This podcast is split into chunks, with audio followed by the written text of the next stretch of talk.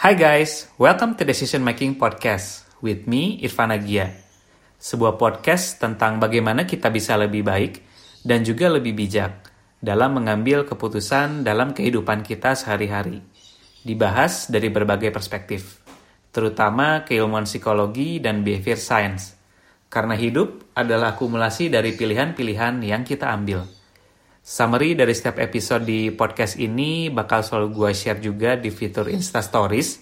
Jadi nanti bisa cek aja di Instagram at irfan underscore agia. Oke, di episode ke-32 ini kita bakal bahas tentang identity crisis atau krisis identitas. Nah, tema kali ini cukup berat dan filosofis juga ya, karena identity crisis ini tuh bisa bikin kita merenung dan juga mempertanyakan hal-hal yang sifatnya tuh mendasar banget. Dan kalau bisa dibilang tuh eksistensial lah. Nah, teman-teman pernah nggak sih dalam suatu waktu gitu ya, mempertanyakan ke diri sendiri, gue ini siapa sih? Tujuan gue dilahirin ke dunia ini tuh buat apa sih sebenarnya? Ke depannya gue bakal jadi seperti apa? Terus juga kok gue ngerasa berbeda daripada orang lain? Dan gue yakin at some point of your life, lo juga sempat mempertanyakan hal-hal tersebut ke diri lo sendiri. Entah lo lagi merenung, lagi uh, mungkin dalam keramaian juga bisa ketika dalam di kamar atau di rumah gitu ya sendirian mulai tiba-tiba mempertanyakan hal-hal tersebut. Nah, gue coba bantu tambahin lagi konteksnya biar lebih jelas dan lebih relevan juga buat teman-teman. Apakah benar gue pernah merasa hal yang seperti itu? Yang pertama mungkin di konteks karir ya jadi contohnya misalnya ketika kita uh, udah kuliah nih, terus semester akhir lah. Terus kita ngelihat teman-teman yang lain tuh udah nyiapin rencana. Habis lulus tuh mau lanjut ke mana? Entah mau kuliah lagi, ambil S2, terus langsung apply atau langsung apply kerja. Gitu. Sedangkan ada pilihannya lagi juga, habis lulus kuliah tuh mau lulus ku kuliahnya tuh pindah ke jurusan yang sama atau ngambil jurusan yang lain, terus kalau kerja kerja apa dan sebagainya. Sedangkan kita tuh masih bingung mau ngapain ya dan mempertanyakan sendiri kok yang lain udah pada tahu ya next stepnya mau apa. Kalau gue sendiri sebenarnya apa sih yang gue pengen dan tujuan gue tuh apa sih sebenarnya yang pengen dicapai, terutama habis lulus kuliah misalnya. Terus konteks pekerjaan. Pernah gak sih teman-teman kerja gitu ya kayak ngerasa udah waktunya cukup lama, udah bertahun-tahun atau bahkan ya cuma setahun atau dua tahun tapi udah ngerasa lama udah jenuh gitu ya terus uh, at some point kepikiran duh nyari uang tuh gini-gini amat ya gitu. Jadi meeting terus atau kerjaan banyak lembur dan segala macam mau seberapa lama ya gue di sini di tempat kerja sekarang? Gue kerja tuh sebenarnya end goalnya buat apa sih sebenarnya? Gaji-gaji yang gue terima gitu ya. Gue tuh mau mencari karir kah di sini? Gue mau nabung mau beli apa kayak atau buat apa sih sebenarnya gitu end goal gue kerja tuh sebenarnya Terus konteks sosial circle juga gitu. Jadi contohnya misalnya kita buka sosmed, ngelihat orang-orang lain gitu ya seru-seruan, nongkrong bareng temen, party atau liburan bareng, nonton konser atau bahkan ngeband bareng, nongkrong rame-ramean di cafe. Sedangkan lo berdiam diri di rumah, having me time. Dan lo sebenarnya nggak masalah dengan diam di rumah ini sebenarnya. Relax gitu ya, lo bisa nonton film, nerusin streaming, you enjoy it, you name it lah. Tapi sometimes mungkin muncul juga pertanyaan ini. Emang gue doang yang gini atau gimana ya?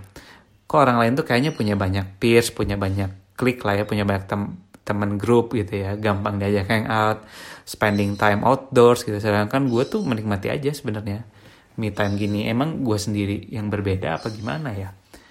Terus konteks agama juga bisa anggaplah misalnya ada seseorang yang secara KTP itu atau kartu tanda kependudukan itu agamanya Islam. Terus pas lagi bulan puasa ini, dia ditanya sama temennya yang non muslim. Katakanlah, dia nanya, why do you fasting?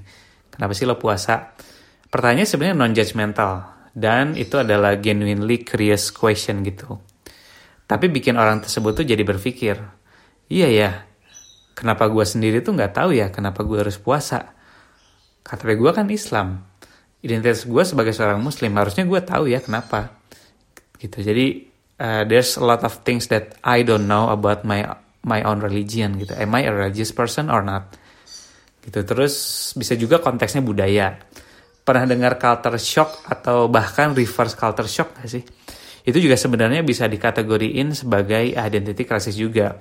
Misal lo udah tinggal di luar kota, jauh dari tempat asal lo, atau mungkin kuliah di luar negeri, dan di tempat baru ini lo tuh hidup dengan value-value yang dan juga norma-norma yang jauh berbeda dengan apa yang lo tahu dan lo lakukan sebelumnya di tempat tinggal atau tempat asal lo. Mungkin ternyata selama kuliah, anggaplah misalnya di luar negeri, lo ngerasa value dan lifestyle lo tuh cocok di sana dengan belief lo. Tapi ternyata pas balik ke Indonesia gitu atau ke kampung halaman lo, lo ngerasa jadi tanda kutip asing dan berbeda dengan yang lain. Gitu karena lo sudah membawa norma yang berbeda, lo udah mempelajari value yang berbeda. Nah, itu adalah contoh-contoh di mana saat kita mulai merasakan atau berpotensi untuk mengalami identity crisis. Kalau ditarik lebih dalam lagi, pertanyaan itu selalu berujung kepada who am I? Siapa sih gue ini sebenarnya? Nah, tiga kata itu tuh who am I itu adalah three little words yang uh, bikin orang-orang dari background philosophers, psychologists, academics, scientists, artists, theologists dan bahkan politician itu always looking for that answer gitu ya. Who am I? Gitu. Jadi semua hipotesa dari uh, setiap orang dengan background berbeda tersebut itu selalu bervariasi dan gak ada konsensus atau kesamaan sama sekali. Gitu. Karena pertanyaan itu sangat kompleks gitu ya. Terkait dengan konsepnya mengenai identity kita. Who am I? Sekarang kita coba tanya deh pertanyaan eksistensial dan filosofi tersebut ke diri kita.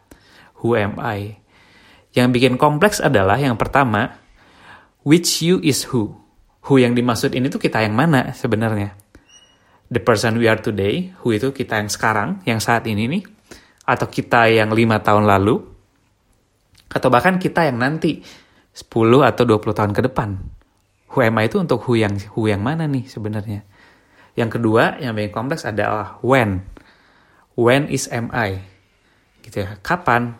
Kita yang kapan nih maksudnya? This week, today, this hour atau this second? Dan yang ketiga, which aspect?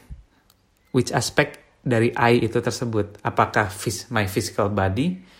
Terus apakah itu tuh my thoughts and my feelings atau my action gitu ya. Jadi banyak banget uh, spektrum-spektrum dan banyak banget hal yang harus lo consider ketika lo akan menjawab pertanyaan who am I tersebut. This abstract logic itu tricky untuk uh, untuk didiskus gitu ya. Jadi uh, ada ada satu sudut pandang yang menarik sebenarnya menurut gue setelah gue baca-baca juga ya dari Greek historian namanya Plutarch dia tuh uh, punya analogi yang bagus uh, mengenai identitas itu dengan cerita tentang sebuah kapal, kapal laut, the story of a ship. Gitu. Jadi uh, di suatu masa gitu ya ada ada ada apa? Dewa namanya Theseus, Theseus gitu ya, Theseus. Dia ini dia dia tuh uh, sorry bukan dewa, I don't know itu demigod atau human, gue lupa. Tapi dia itu adalah King of Athens. Nah dia itu pernah ngebunuh uh, uh, Minotaur. Minotaur itu kayak half human dan and half uh, half gue lupa half ox atau half uh, horse gitu ya. Dan dan dan dia tuh jadi berjasa lah uh, untuk negaranya ketika membunuh si Minotaur tersebut. Gitu. Nah, setiap uh, seribu tahun sekali gitu ya, setiap seribu tahun sekali untuk honored untuk uh, tribute kepada si Theseus ini gitu ya setelah membunuh si Minotaur tersebut uh, si apa orang orang-orang warga Aten gitu ya warga Yunani itu tuh melakukan yang namanya pulang pergi dengan kapal yang ditumpangi dulu sama si Theseus ini. Jadi dulu saat si Theseus ini dia membunuh Minotaurnya, dia pergi ke suatu tempat menggunakan kapal tersebut yang dinamakan jadi the ship of Theseus atau kapal lautnya si Theseus.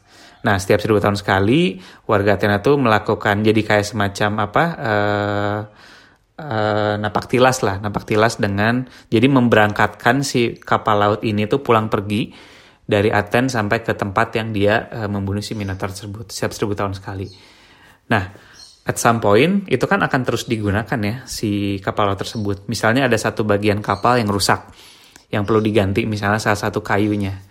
Nah, setiap kali ada bagian kapal yang rusak atau uh, apa perlu diganti, itu sama warga Athena tuh diganti gitu diganti sama kayu yang baru misalnya tapi bentuknya tetap sama terus gitu ya. Terus akhirnya di diganti-ganti ganti sampai akhirnya gak ada original part yang tersisa. Gitu. Jadi bentuknya tetap sama dengan si kapal kapal yang lama itu. Tapi setiap spare partnya lah ya katakannya itu tuh udah udah nggak ada yang original udah nggak ada yang asli. Itu tuh udah diganti-ganti sama yang baru. Tapi bentuknya tetap sama. Nah ini tuh menjadi kalau Plutarch tuh bilang ini namanya cycle philosophical paradox mengenai persisten dari identity ini sendiri sekarang gue akan uh, mempertanyakan sesuatu ke teman-teman yang dengar. Ketika setiap every single part of something itu replace gitu ya, contohnya si kapal tadi, is it remain the same thing or not? Gitu. Let's imagine ada dua dua dua dua kapal laut ya. Kapal laut yang tadi kapal laut yang pertama adalah ship of Theseus tadi yang original. Yang kedua adalah kapal laut yang uh, apa? Yang udah dimodifikasi gitu udah di, di, dirubah dari yang original menjadi yang baru namanya uh, ship B. Jadi katakanlah ship A itu adalah shipnya si Theseus dan ship B ini adalah ship yang udah dimodifikasi. Very sim very simple simple question. Does A equal B? Apakah ship kap, uh, apa kapal laut itu adalah kapal laut yang sama? Gitu ya. Secara kuantitatif gitu ya, secara secara bentuk gitu ya, secara hal yang bisa dikuantify itu tuh adalah hal yang sama. Kenapa? Karena walaupun every single part itu sudah berbeda, tapi bentuknya itu tetap sama. It's still the ship of Theseus. Gitu. Nah, itu satu perspektif. Perspektif kedua adalah ada yang bilang kalau the ship of Theseus itu menjadi ship of Theseus karena si Theseusnya itu yang uh, mengendarai dan juga uh, menakodai si kapal si kapal lautnya tersebut. Kalau kalau nggak dikendarai sama si Theseus itu tidak akan jadi ship of Theseus. Gitu. Well, it's it's a bit complex, but itu make sense juga.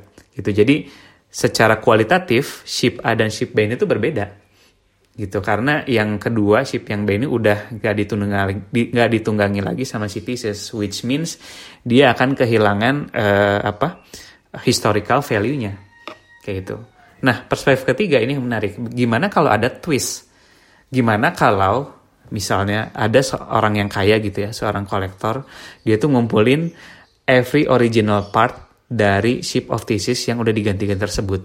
Dan dia bangun kembali pesawat uh, kapal laut si Theseus itu dari original part sehingga akan jadi ada jadi dua kapal yang saat itu ada. Jadi kapal Theseus yang B yang baru itu sama kapal Theseus yang lama tapi uh, di di apa dibangun lagi tapi dengan original part yang sama. Jadi yang mana nih ship of Theseus-nya? Gitu. Jadi ini it's a bit uh, philosophical but uh, menurut gue ini jadi analogi yang pas dan juga menarik untuk disangkutkan dengan identity kita. Gitu. Bayangkan kalau analoginya ship of Theseus itu adalah identity kita. Kita kan dari kecil tuh mengalami banyak perubahan ya. Dari mulai perubahan value, perubahan uh, belief gitu ya, perubahan bahkan physical body gitu ya. Apakah kita tuh tetap menjadi orang yang sama dengan orang yang dengan kita lima tahun lalu, 10 tahun lalu yang masih kecil, yang masih belum banyak belajar sampai sekarang dewasa gitu ya. Kalau kita analogikan dengan ship of thesis tadi gitu. Jadi apakah kita orang yang sama atau enggak gitu. So uh, amazing to to know that sometimes in illogical way we stay the same too. Uh, a part of dari dari apa years of experience years of we're changing gitu ya. So ini inilah yang membuat pertanyaan who am I ini tuh menjadi sangat kompleks gitu ya. Jadi kita balik lagi apa sih sebenarnya identitas itu sendiri? Nah identitas itu adalah uh, kalau definisi definisinya adalah is the way we define ourselves. Gitu ya. ini tuh including our value our belief dan our personality gitu. Identity juga uh, merepresentasikan roles kita di society dan di keluarga kita, gitu ya. Our memories, our hopes for the future, dan juga as well as our hobbies and our interests, gitu. Most of this thing, of course, itu bisa berubah juga.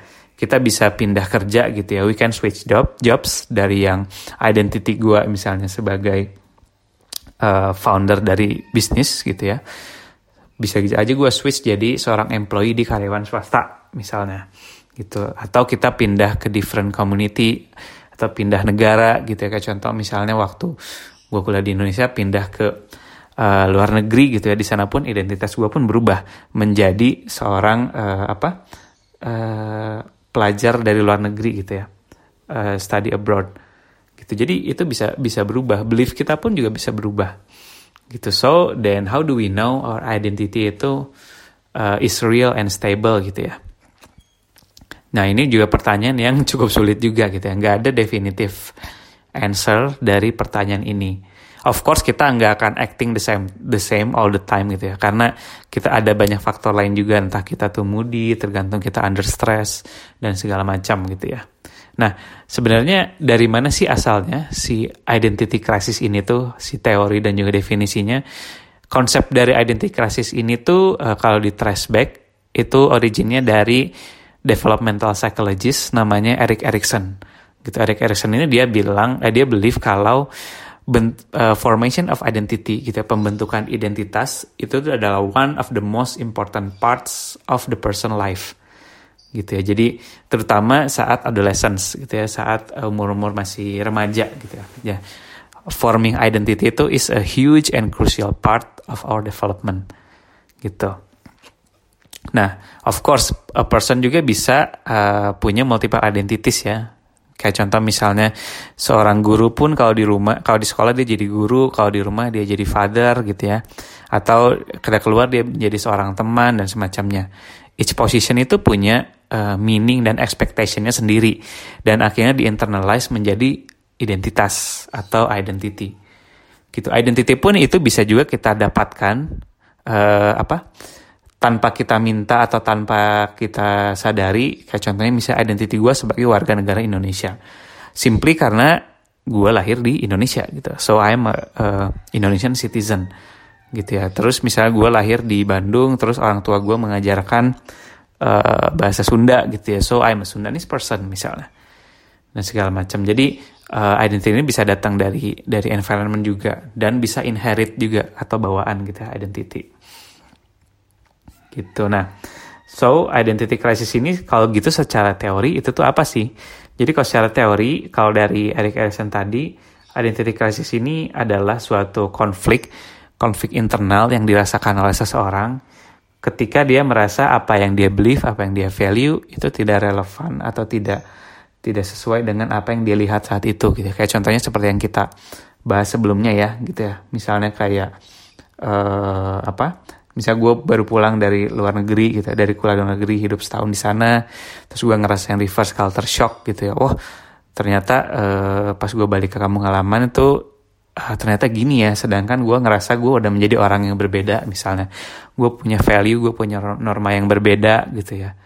Kayak misalnya uh, contoh misalnya gue ngelihat marriage gitu ya uh, pernikahan secara di konteksnya seremonial ya seremonialnya kayak wah gila kalau balik ke Indonesia tuh kalau orang mau nikah itu harus ngundang ratusan gitu ya puluhan bahkan ratusan orang gitu ya. Yang which means sebenarnya gue nggak kenal juga gitu ya. So dan itu pun uh, mahal. Sedangkan kalau gue lihat kalau waktu di Belanda tuh mereka sangat simpel kalau mau mengadakan pesta pernikahan. Mereka cuma include orang-orang yang deket aja. Kayak cuma misal 10 sampai 20 orang gitu ya nggak sampai ratusan gitu ya. Itu kan salah satu contoh gue melihat kalau norma tuh sudah mulai berbeda gitu ya.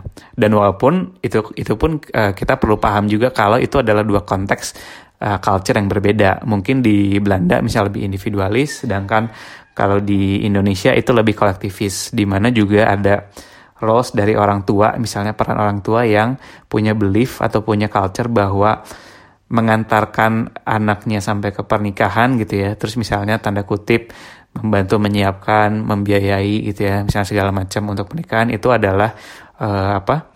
pemberian terakhir atau tugas terakhir dari orang tua kepada anaknya gitu ya. So, itu dari kacamata culture itu sah-sah aja sebenarnya. Tapi kita pun di satu sisi secara personal melihat itu juga sebagai identifikasi juga gitu ya. Kayak contoh gitu. Jadi si Eric Erikson ini pun dia juga uh, menemukan atau penasaran dengan si identifikasi ini karena reflect dengan kehidupan dia sendiri juga waktu dia dia kecil ya dia tuh sebenarnya race sebagai Jewish kita orang Yahudi tapi secara look secara fisikal dia tuh very Scandinavian gitu ya dan dia tuh ngerasa jadi outsider in both groups gitu ya. Jadi gue nggak belong ke Jewish, gue juga nggak belong ke Scandinavian people gitu. Jadi dia merasakan identity di sana. Kayak gitu. Nah, kalau gitu apa aja sih yang menyebabkan uh, si identity crisis ini sendiri? Jadi si identity crisis ini bisa muncul in the various point throughout our life gitu ya. Particularly ketika kita ada merasakan ada perubahan gitu ya, ada great. Contohnya misalnya kita kehilangan kerja atau kita uh, memulai pekerjaan yang baru. Itu pun kita juga mengalami berpotensi mengalami identity crisis. Terus kita beginning of a new relationship gitu ya. Contohnya misalnya gue uh, yang sekarang mungkin secara relationship apa secara relationship gue belum ada uh, identity apa pun tapi misalnya ketika menjadi ayah gitu ya ketika lahir anak identity gue shifting menjadi seorang ayah gitu ya. nah itu pun kita akan mengalami identity crisis karena kita tuh perlu tahu ekspektasi uh, society gitu ya ekspektasi uh, partner kita terhadap figur seorang ayah itu seperti apa sih apa yang harus gue lakukan dan segala macam sedangkan Misalnya kita ngerasa masih belum siap dan segala macam. Terus uh, ending a marriage or partnership juga bisa jadi pemicu juga. Terus having a child kayak tadi yang sempat kita bahas, losing a loved one misalnya kita punya seseorang yang kita kasih itu meninggal juga gitu ya. Terus juga apa sih hidup gua misalnya ketika misalnya uh, my loved one itu meninggal atau nggak ada atau udah nggak bareng lagi bersama kita, how we define ourselves gitu ya atau pindah pindah pindah tempat moving one place to another gitu ya. Kita pindah dari yang misalnya uh, di kota yang di luar Pulau Jawa misalnya pindah ke Pulau Jawa atau pindah ke luar negeri gitu ya. Terus kita experiencing traumatic event juga bisa memicu identity crisis. Sampai kita juga learning about our, our health condition gitu ya. Misalnya uh, amit-amit ya kita didiagnosa penyakit keras gitu ya. Itu kan kita akan mempertanyakan lagi identity kita. Jadi kayak anjir uh, apa kalau gitu gue hidup di dunia tuh nggak uh, nggak selamanya ya. Itu tuh fana. Dan gue tuh misalnya mulai bertanya ketika sakit ini tuh apa aja sih yang udah gue lakuin selama hidup dan segala macam gitu. Nah simptom-simptomnya untuk identifikasi adalah kita mulai mempertanyakan mempertanyakan pertanyaan-pertanyaan yang eksistensial tadi gitu ya. Who am I? What are my values? What is my role in society? Nah, segala macam. When? Kapan? Itu macam-macam. Itu kita akan mengalami multiple identity crisis dalam uh, waktu yang mungkin bersamaan, mungkin berbeda, jarak waktunya berbe jarak waktunya juga tidak sama dan segala macam. Setiap orang punya unique experience terhadap identity crisisnya gitu. Tapi dalam garis besar itu ada ada dua ya. Yang first itu di adolescence saat kita remaja gitu ya. Saat kita remaja uh, kita mulai pengen mencari tahu jati diri kita gitu ya terhadap family value kita, self discovery dengan teman-teman kita. Dan secondnya nih, second major uh, identity crisis itu adalah ketika kita ngerasain quarter life crisis atau midlife crisis itu mungkin yang teman-teman pernah ngerasain juga ya. Dan ini pun sempat gue bahas di episode sebelumnya ya. Tentang quarter life crisis. Gitu. Nah, identity ini juga menjadi sangat fundamental ya. Jadi menjadi sangat aspek yang penting. Kenapa? Karena it gives us a connection to our community gitu ya. Something yang uh, mempersatukan kita dan memberikan kita sense of belonging uh, terutama terhadap survival kita gitu ya jadi kita tuh siapa? Kalau mau kembali itu kita ke mana gitu. Of course misalnya kita sebagai warga Indonesia kita punya self belonging terhadap Indonesia terhadap nationality kita gitu ya. Nah uh, entah itu nanti jadi berkembang menjadi national pride racial pride religious pride atau even sports team pride gitu ya. Identity gue misalnya sebagai uh, Liverpool uh, football club supporter gitu ya. Gue merasa punya sense of belonging yang kuat banget. Walaupun uh, walaupun ini menariknya gue tuh bukan orang orang Liverpool gitu ya, bukan orang Inggris. Tapi gue merasa punya koneksi yang kuat dan gue merasakan value nor, uh, dan belief yang sama dengan Liverpool Football Club gitu dan gue merasa belong dengan dengan dengan itu gitu itu pun bisa berkembang menjadi suatu identity juga so it's the beauty of the identity itself gitu ya nah yang menarik juga adalah kita pun bisa experiencing identity crisis itu ketika lockdown. Ketika si COVID ini terjadi. Gitu, that's why topik ini menurut gue menjadi sangat penting karena di saat pandemik seperti ini kita pun berpotensi untuk uh, mengalami identitas krisis ini lebih lebih cepat gitu ya. Kenapa? Karena ada ada perspektif menarik dari Dr. Paul Marsden. Marsden. Ini seorang consumer psychologist dari University of the Art London. Itu explain kenapa sih orang tuh bisa mengalami identity crisis ketika lockdown ini. Jadi a positive sense of identity itu tuh uh, di di drive dari tiga aspek atau tiga faktor. Faktor pertama adalah kita punya sense of autonomy gitu ya atau kebebasan. Yang kedua adalah sense of relatedness gitu ya atau uh, apa atau suatu hubungan gitu ya kita merasakan suatu hubungan connection. Dan yang ketiga adalah sense of competence. Kita merasa kompeten untuk acting atau behave something gitu ya. Nah, psikologi sebenarnya meng menganggap konsep ini sebagai ARC of happiness, ARC, otonomi, relatedness, dan juga kom uh, competence. Gitu ya. Nah, coronavirus ini tuh menjadi so, uh, memberikan problem kepada tiga hal tersebut. Sebenarnya si lock si lockdown ini tuh atau PSBB ini tuh memberikan problem kepada tiga aspek tersebut. Yang pertama sense of autonomy gitu ya atau kita tuh experience freedom, choice, and control. Yang dulunya kita bebas, tanda kutip bebas ya, bebas kita mau hang out, kita mau ketemu orang-orang, kita mau uh, apa nongkrong, kita mau belanja ke supermarket, mau ke mall, kita ngerasa punya that that freedom, that choice, and that control. Tapi sekarang kita bisa frustrated by restriction gitu ya. Sekarang kita tuh di restrict, nggak boleh ke mana-mana, which is sebenarnya for greater good ya sebenarnya. Tapi itu juga bisa imply terhadap our sense of autonomy gitu ya. Sekarang semua dibatasi dan itu akan berpengaruh terhadap aspek tersebut. Yang kedua adalah sense of relatedness gitu ya atau connection. Dengan social distancing ini kita akan uh, left frustrated dengan kayak kita dibatasi untuk uh, apa kontak fisik gitu ya, menjaga jarak gitu ya dari yang biasanya kita punya connection, hugging people gitu ya. Kita uh, dibatasi oleh hal tersebut. Dan yang ketiga sense of competence gitu ya. Kompetensi ini adalah contohnya achievement, sukses atau kita menemukan kompetensi kita saat kerja gitu ya. Kita ngerasa at some point mungkin orang yang terbiasa, contohnya guru-guru yang terbiasa uh, merasakan kompetensi yang saat belajar offline gitu ya, mengajar offline sekarang mau nggak mau dipaksa untuk uh, semuanya kegiatan belajar mengajar dari online gitu ya. Which mean at some point mungkin mereka merasa frustrated karena gue harus mau nggak mau cepat untuk belajar online dan segala macam. Nah, yang biasanya our minds gitu ya, usually distracted dengan daily activities itu, sekarang kita ini uh, taken away temporarily due to coronavirus.